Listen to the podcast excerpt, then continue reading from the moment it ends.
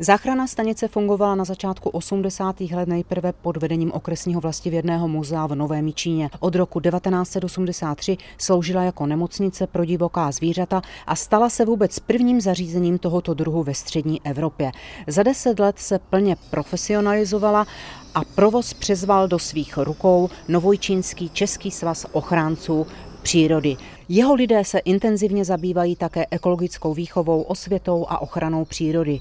Od roku 2014 v areálu funguje pro návštěvníky Dům přírody. O tom všem uslyšíte v dnešním pořadu přímo z místa. S mým průvodcem, zástupcem vedoucího Janem Kašínským se teď tak trochu vrátíme v čase někam na začátek. My stojíme vlastně v prostorách, kde uvidíme to nejstarší zázemí záchranné stanice. Je to tak, jsou tady ty eh, úplně původní voliéry, by teda od té doby byly rekonstruované, předělané, je tady takzvaný zahradní domek, což je takové zázemí, řekněme, technické Potom za mnou je budova, ve které eh, je ošetřovna, kuchyňka, šatny a takové další zázemí, včetně eh, oddělení intenzivní péče. To, co asi eh, zaujme na první pohled příchozí návštěvníky, je barokní fara. Památkově chráněný objekt je datovaný, na štítě teda má letopočet 1737, to znamená za chvíli už to bude 300 let, co byla postavena původně jako lovecký zámeček, později teda fungovala jako fara. Právě uvnitř se ukrývá už zmiňovaný Dům přírody, což je taková moderní záležitost, kde vlastně vy eh, přibližujete návštěvníkům život v přírodě, tady v Oderské nivě, ale o tom všem si zase budeme povídat až za chvíli. Musíme ještě říci, že při příchodu do Domu přírody procházíme zahradou plnou zvířat, byť neživých, vyřezávaných, je, takže je to takové symbolické. Jsou tam nejrůznější rostliny, ale myslím si, že i tam eh, budeme mít prostor, abychom se porozhlédli. Co bychom ještě měli říci k těm začátkům? Budování té záchranné stanice bylo teda do značné míry na, na dobrovolnické bázi. Pracovalo se tady spoustu brigádnických hodin. Tenkrát vlastně to byli členové eh, Sokolnického střediska. Stanice jako úplně v začátcích fungovala jako stanice pro zachranu dravců a sov. Když se tady ale začaly dostávat další a další zvířata, tak eh, se ten eh, provoz samozřejmě musel upravit a v současné době teda přijímáme všechny volně žijící živočichy, kromě dospělých velkých zvířat, jako je jelen, medvěd, vlk a podobně. Jak široké je, řekněme, vaše pole působnosti? Eh, já jsem se dočetla, že minimálně ve třech krajích, to znamená Moravskosleský, Zlínský a také Olomoucký. Takhle, stanice je v současné době členem Národní sítě záchranných stanic. Je to takový docela unikátní projekt, protože máme spolupracující stanice, které si rozdělili celé území republiky stoprocentně. Na naší stanici zůstávala, zůstal téměř celý Moravskosleský kraj, kromě Bruntálska a potom okrajové části Olomouckého a Zlínského kraje. To je docela široký zájem záběr?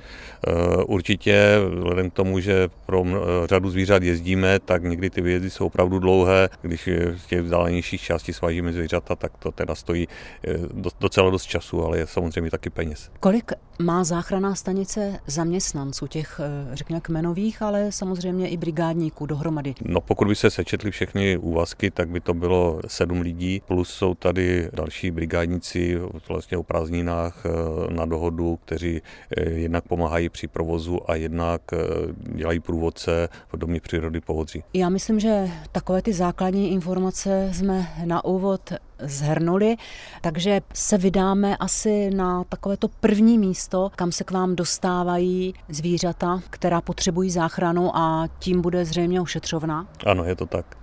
Posloucháte pořad přímo z místa, dnes ze záchranné stanice v Bartošovicích na Novojičínsku kterou mě provází Jan Kašinský. Teď mi někde zmizel, ale už jsem ho objevila tady za dveřmi ošetřovny. Vypadá to tady jako v ordinaci veterinárního lékaře. To je taková ordinace, tady probíhá základní prohlídka, základní vyšetření toho přijatého zvířete a s tím, eh, že se rozhodneme, kde půjde dál. Pokud to jsou třeba malá mláďata, tak mohou skončit v inkubátoru, pokud jsou starší, tak prostě budou přemístěné jenom do nějakého oddělení intenzivní péče, které je opatrovíše. Při tom příjmu samozřejmě se dělají takové ty standardní věci, to znamená se, odkud to zvíře přišlo, se určí druh, eh, kdo nám ho předal, zákonné povinnosti, které musíme plnit. Kdybychom si si měli představit vybavení, je tady ošetřovací stůl, ano. nevím, jestli se tomu tak říká, ano? Eh, dá se říct, je tady váha, je tady líheň, pro případ, že musíme přijmout vajíčka z nějakého zničeného hnízda, je tady takový malý eh, základní inkubátor. To je tady ta menší bílá krabice? Bílá, bílá krabice, kde Eh, můžeme pro nějaké hodně, hodně malá mláďata eh, upravit podmínky tak, aby mohla fungovat. A tady ta větší nerezová? To je sterilizátor pro sterilizaci nějakého vybavení. Eh, vedle potom je ještě jedna stará líheň, která už je vlastně tady téměř z počátku stanice. Samozřejmě nechybí skřínky v těch prosklených částech. Vidím spoustu léku, ampulí, obvazů. Každý den se stává, že tu máte nějakého zvířecího pacienta. Jsou dny, řekněme v zimě, kdy těch příjmů je méně, takže může nastat den, kdy tady nic není, ale naopak těch zvířat je tu zpravidla několik denně. Pro takovou představu ročně přijímáme eh, přes 2000 zvířat, to znamená v té plné sezóně, když chodí spousta mláďat, to bývá 10, někdy 15, někdy více, více eh, zvířat denně. Takže o tahle ta všechna zvířata se musíme nějak potom postarat, rozhodnout se, co teda s nimi uděláme dál. Často naštěvuji malou záchranou stanici v Přerově, která funguje při ornitologické stanici tamního muzea. Občas se tam potýkají s takovým nešvarem nebo neznalostí lidí, přes zimu tam mají, jak tomu říkají, ješkárnu, zcela někdy zbytečně. Také se potkáváte s podobnými případy? Je to docela velký problém. Lidé nám nosí e, mláďata, zejména teda zajců, někdy i semčata. V dobré víře? V do, sice v dobré víře, ale je to prostě velký problém, je to, je to velice škodlivé. E, takové zvíře potom je někdy docela těžké připravit na vypuštění. U savců to, to je velký problém, protože pokud ho kojíme, pokud se pípla dlouho, tak zpravidla vznikne docela silná vazba na lidí a je problém ho potom eh, pustit někde do, do volné přírody. U ptáku to až tak eh, velký problém nemusí být, protože máme, máme už vypracované postupy, kde eh, dokážeme zabránit té, té vazbě na lidi. Například u poštolek máme pěstounské páry adoptivní, které přijmou mláďata i cizí. Tolik tedy k těm pacientům, kteří by tady vlastně ani skončit nemuseli.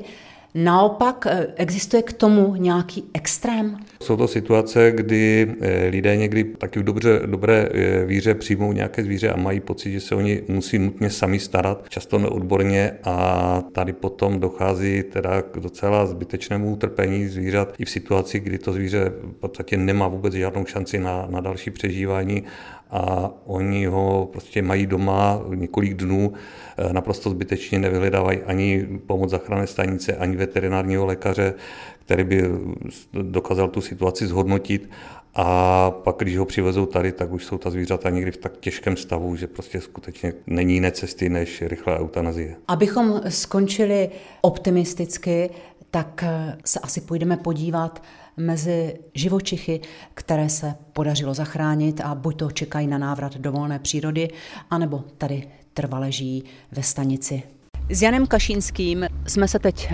posunuli z vnitřních prostor záchranné stanice, konkrétně z ordinace a jdeme se podívat eh, mezi zachráněná zvířata do místa, vy tomu říkáte rehabilitace?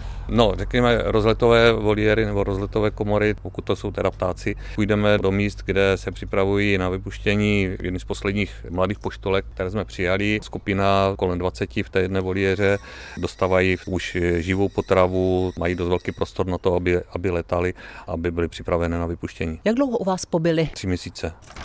Asi zavřeme za sebou. Prošli jsme takovou dřevěnou stavbou voliér a jen lehce pootevřeli vrata. Ano, tady se nám už prohánějí Slyšíte možná jejich hlasy, no tak je vidět, že jsou čilé, čiperné. Tam eh, ve většině případů jsme je moc piplat nemuseli, protože na to máme ošetřovatele. Jsou to eh, čtyři páry eh, handicapovaných poštolek, které nemůžeme vypustit, které tady zůstávají natrvalo. Oni mývají vlastní mláďata, jsou ochotné se postarat o mláďata cizí. Takové chuvičky. Takové chůvy, ano, jsou to takové chůvy, jsou to náhradní rodiče. Pro nás je to úspora práce, nemusíme je piplat. Na druhé straně si ta mláďata nezvyknou na lidi, a chovají se v podstatě jako mláďata z přírody. Protože ty náhradní rodiče jim vlastně dají to, co by jim dali ti vlastní v té volné přírodě. Ano, to je velice důležité právě v tom pobytu na hnízdě. Mláďata ptáků i u některých savců si vytvářejí představu mimo jiné partnera svého druhu pro dospělost podle toho, kdo se o ně stará. Pokud by se o ně staral člověk, tak by mohlo dojít docela nepříjemné silné vazbě na lidi a ten tak bych si potom nedokázal vytvořit eh, pár s příslušníkem svého druhu. Dovedu si představit, a teď nejen v případě poštolek, ale obecně, že pokud navracíte už zdravé jedince do volné přírody, tak to musí být asi ten nejkrásnější okamžik. Zažitek to je určitě krásný, ale já říkám, to není tak, jako by si lidi říkali, dáváme jim svobodu, já tomu říkám, končí doba sladkého nic nedělání a teď začne ten tvrdý boj o život, protože to opravdu ten život v přírodě je tvrdý a spousta zvířat, spousta mláďat, ať už to jsou mláďata odchována tady u nás nebo přírodě nebo narozena v přírodě a, a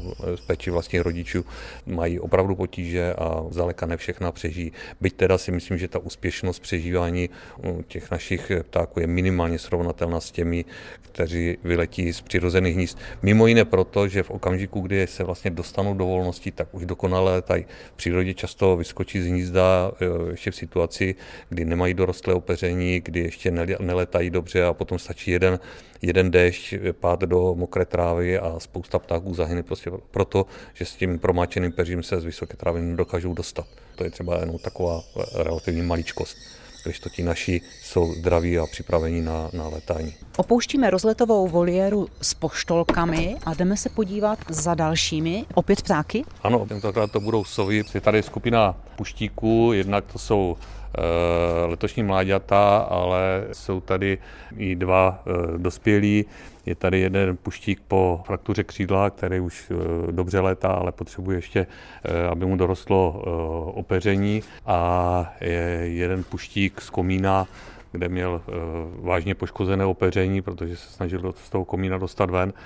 Teď čekáme, až mu prostě to opeří doroste, to je otázka teď asi nějakých dvou týdnů a, a půjde ven. Teď se nám tam pěkně posadili všichni a dívají se přímo na nás. No ale ne všechna zvířata mají to štěstí, že se mohou vrátit do volné přírody. Vy tady máte také takzvané trvalé handicapy. S Janem Kašínským teď stojíme u vchodu, já tady čtu expozice živých zvířat.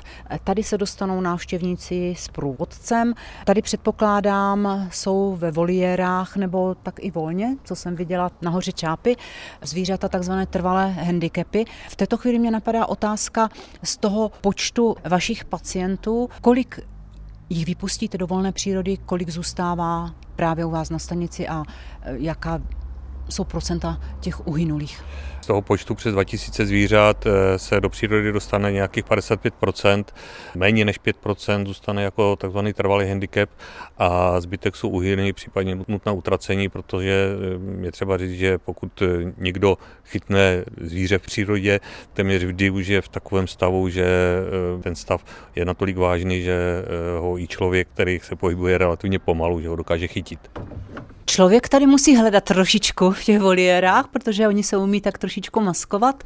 Máme sovu před sebou. Kalous ušatý po střetu s autem, eh, nevidí na, na levé oko. V druhém rohu je kalous pustovka, taky sražen autem. Teď jste přišel k další voliéře a chytil jste, vypadá to jako splachovadlo. ano, vypadá to jako splachovadlo. Je tady voliéra, kde je velká budka, kde teď vlastně nic není vidět, ale pokud průvodce eh, zatáhne, otevře víko budky, ve které je zrcadlo a je tam vidět sovy pálené. Ukázalo se nám to jako nejvhodnější řešení, kde eh, sovy mají přes den dostatek klidu, aby mohli i hnízdit. Tyhle ty sovy letos taky hnízdily, jejich mláďata už jsou v současné době venku. Takže pochopila jsem to správně, že i ta handicapovaná zvířata dokážete spárovat a že dokážou vyvést mladé. Ano, je to tak, ne u každého se to samozřejmě podaří, být třeba sovy pálené, ty máme zařazené do takzvaného eh, záchranného programu spolu třeba eh, se síčkem obecným, se snažíme cíleně odchovávat mláďata, která potom připravujeme na vypuštění, vypouštíme je, sledujeme je v přírodě a je to takový celý komplex opatření. Tady vidím podle nápisu, že jsou tady zase poštolky, moták pochop. Popálen elektrickým proudem, to je poměrně časté zranění u ptáků, kteří si sedají na vyvýšená místa Eh, zvláště dravců. To jsou zranění, která jsou ve většině případů naprosto neřešitelná. Tady je pár poštolek handicapovaných, to je jeden z těch čtyřech párů, které odchovávají mláďata jako náhradní rodiče. Kavky obecné a havrany polní, tady můžeme také vidět. Na zemi potom je sojka, tady potom poměrně vzácná sova, puštík bělavy, to povírový druhá největší naše sova, která má v našich podmínkách dvě oblasti rozšíření a to jsou Beskydy a Šumava, jinde jsou puštíci bělaví velmi vzácní. Fascinuje mě ten jejich upřený pohled na nás. Eh. Jsou zvědaví? No, zvědaví, zvědaví spíš je trošičku rušíme. Je to samozřejmě sova, která, která má ráda klid. Oni si nakonec na ten provoz zvyknou a přijdou na to, že za to pletivo nikdo nepůjde a vydrží teda ty návštěvníky. Teď jdeme směrem nahoru k dalším voliérám a procházíme kolem jezírka, asi slyšíte tekoucí vodu. Je tady vidra, je tady samec, kterého jako mládě eh, přinesla velká voda. Velice brzo jsme zjistili, že přes veškerou snahu z toho bude mazel a zůstal tedy tady, má vybudovaný výběh s vodou, s rybníčkem. Je to noční zvíře přece jenom, většinou teda přespává, někdy se dá vylákat na krmení, ale zrovna dneska teda máme smůlu. No je to tam se boudě dole. No. Při tom vyčkávání vidry jsem dohlédla asi na konec vaší zahrady, kde se pohybují volně srnky. Pět srnčat, tři jsou zbytečně odebrané, prostě lidé našli mládě přesvědčení, že je musí teda za každou cenu zachránit, tak je přinesli nejdříve domů a potom teda k nám přesně ty případy, které nemáme rádi. Takové mládě se nedá vrátit, matka už ho nepřijme, takže zůstane v zajetí. Tím, že jsou ve skupině, tak je tam relativně slušná šance, že se aspoň strny, to znamená samice, podaří vypustit. U samců je to velký problém, protože tam oni začnou být v dospělosti z pravidla vůči lidem docela agresivní a mohou být velmi nebezpeční. Z dalších živočichů jsem zahledla taky veverky, čápy. No, u čápů jsou ještě jiřáby, což je druh, který byl nedávno ještě velmi vzácný a dostali se k nám v průběhu dvou let dvě mláďata s poraněním křídel, ovšem už zahojeným, takže tam už se nedá nic dělat a zůstanu tady natrvalo. S Janem Kašinským nás teď čeká návštěva Domu přírody, což je expozice umístěná v bývalé barokní faře, ale asi nikomu to nedá, aby se nezastavil tady v té zahradě úžasné která je také jakousi expozicí. Vidím tady tačí budky, hmyzí domky.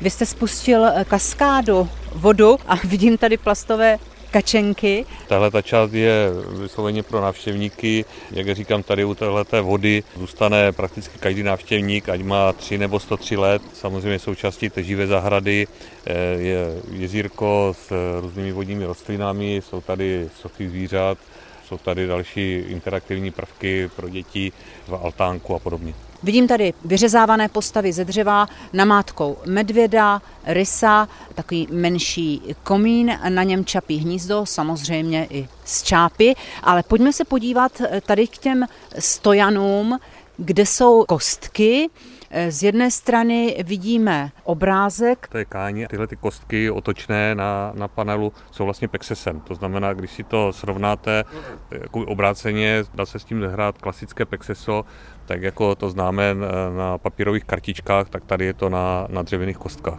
A samozřejmě kromě toho obrázku, který asi navádí ty děti, aby věděli, jak přiřazovat eh, dvě karty k sobě.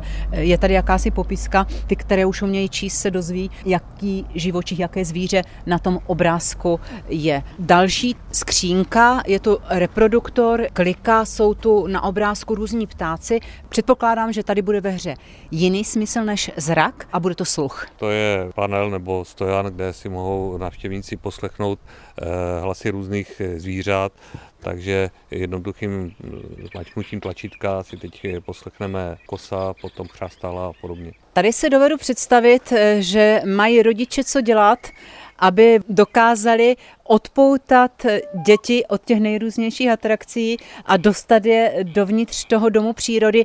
Mimochodem, co má tak nějak přinášet návštěva této části, ten moderní vaší záchranné stanice? Když mluvíme o celém domu přírody, tak jsou to takové ty základní informace o, o pohodří, o krajině, o významu, o historii toho území, o tom, jak se, jak se ta krajina vyvíjela, samozřejmě s tím, eh, co všechno mohou navštěvníci při navštěvě pohodří potkat. Ještě se se posunul k dalším dřevěným, nemůžu říct skřínkám, protože teď už jasně vidím, že jsou to včelí úly. Ano, jsou to včelí úly, jsou prosklené, takže návštěvníci se mohou podívat na to, jak to v tom úlu vypadá. Výlet je řešený bezpečně za stěnou, to znamená včely vyletají ven, neohrožují návštěvníka, naopak sami nejsou nijak zvlášť rušeny. Návštěvníci podle potřeby si tady mohou prohlédnout vnitřek včelího úlu za provozu. No a je tady ještě taková tabule, piš a kresly, to znamená, že děti se mohou vyřádit i výtvarně. Zapomněli jsme na něco tady z těch venkovních prostor? Zapomněli jsme něco představit? No, jsou tady potom informační tabule, které seznamují návštěvníky s rostlinami, ale i zvířaty, nejenom v ale i, i třeba v Beskydech a podobně. V současné době teď je tady ještě výstava týkající se vážek, to znamená o historii vážek, o, o, o tom, jak je, jak je rozeznat, jak žijí a tak dále. A je tady poslední vstup pořadu přímo z místa a slíbená návštěva vnitřní expozice Domu přírody. Ukrývá se v přízemních prostorách barokní fary a my jsme se dali směrem od takové recepce doprava. Tady máme imitaci lesa z kmenů stromů a hned několik zvířat vycpaných. Vidím tady divočáka, bažanta, spoustu ptáků, ale jsou tam i takové zvláštnosti? To jsou eh, zvětšené modely hmyzu, takže tady navštěvníci taky mohou vidět typické chráněné druhy hmyzu, jako je třeba pachník hnědy, případně eh, lesa grumělkovi. Tahle ta část je právě věnována lesu. Všechno to jsou zvířata, které lze v poudří se potkat při troši štěstí. Teda. To, co mě zaujalo, je panel dřevěný z rámečky.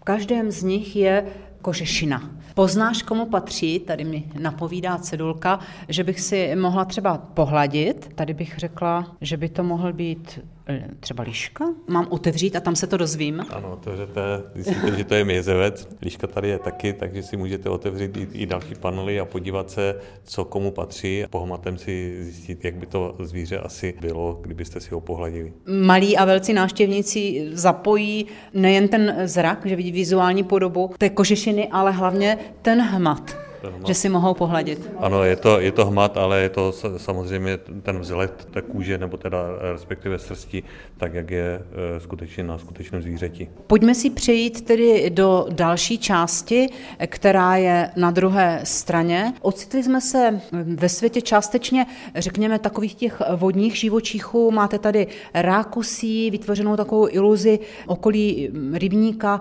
řeky. Ano, je tady bobr evropský, na druhé straně zase naopak naopak Vidra, je tady diorama říčního břehu se zvířaty, která žijí v blízkosti, v blízkosti vody. Tak máme štěstí, přece jenom jsme na tu Vidru, byť to není ten váš živý plaváček, narazili aspoň v této podobě. No když se otočíme směrem tady na druhou stranu, rys. Ano, tenhle ten kout vlastně už nepatří do poodří, je věnován jednomu našemu velkému projektu, který se nazývá Navrat orla skalního do České republiky. Tady je vlastně orlí hnízdo, eh, na něm samice s mládětem a potom samec. Ta samice to je vlastně naše, eh, spíš bych řekl spolupracovnice, protože to je orlí samice, která byla postřelena už hodně dávno, v roce 1977. Tenkrát byla tří leta, tak od té doby žila v zajetí a nakonec se dožila 41 let, eh, uhynula v roce 2015 a byla naprosto zásadní právě v projektu Navrat do skalního do České republiky, protože to byla vynikající pěstonka, která odchovala spoustu mláďat. A zase mě napadá ta možnost toho srovnání, protože tady jsou orly skalní vycpaní, máte tu i mládě v hnízdě a venku v té voliéře jsme viděli živou samici, která tady je déle než vy. Takže zase se to všechno propojí. Vodní říše se nám ukrývá v poslední místnosti tady té vnitřní expozice, kde máte promítací plátno a my vidíme ryby, anebo vůbec ten pohled pod vodní hladinu, předpokládám rybníka. V téhle smyčce, kde se promítá pohled do vody, jednak je to pohled do rybníka, jednak je to pohled do proudící vody, ale ta místnost, do které jsme vešli, je to vlastně taková imitace tůně, to znamená, máme tady takovou iluzi, že jsme pod hladinou, kolem plavou ryby, další živočichové, třeba potápník, pijavka, jsou tady škeble, plovatky a podobně. Ano, v případě těchto druhů asi nemáme moc šancí spatřit je volně v přírodě. Tak co dodat? Já myslím, že jsme vaši záchranou stanici, včetně Domu přírody, představili, že jsme nic nevynechali. Návštěvníci, jak jste slyšeli, jsou tady vítáni. O víkendech bývá otevřeno od dubna až do konce října, o prázdninách i ve všední dny. Dnešním pořadem přímo z místa vás provázela Jana Zemková.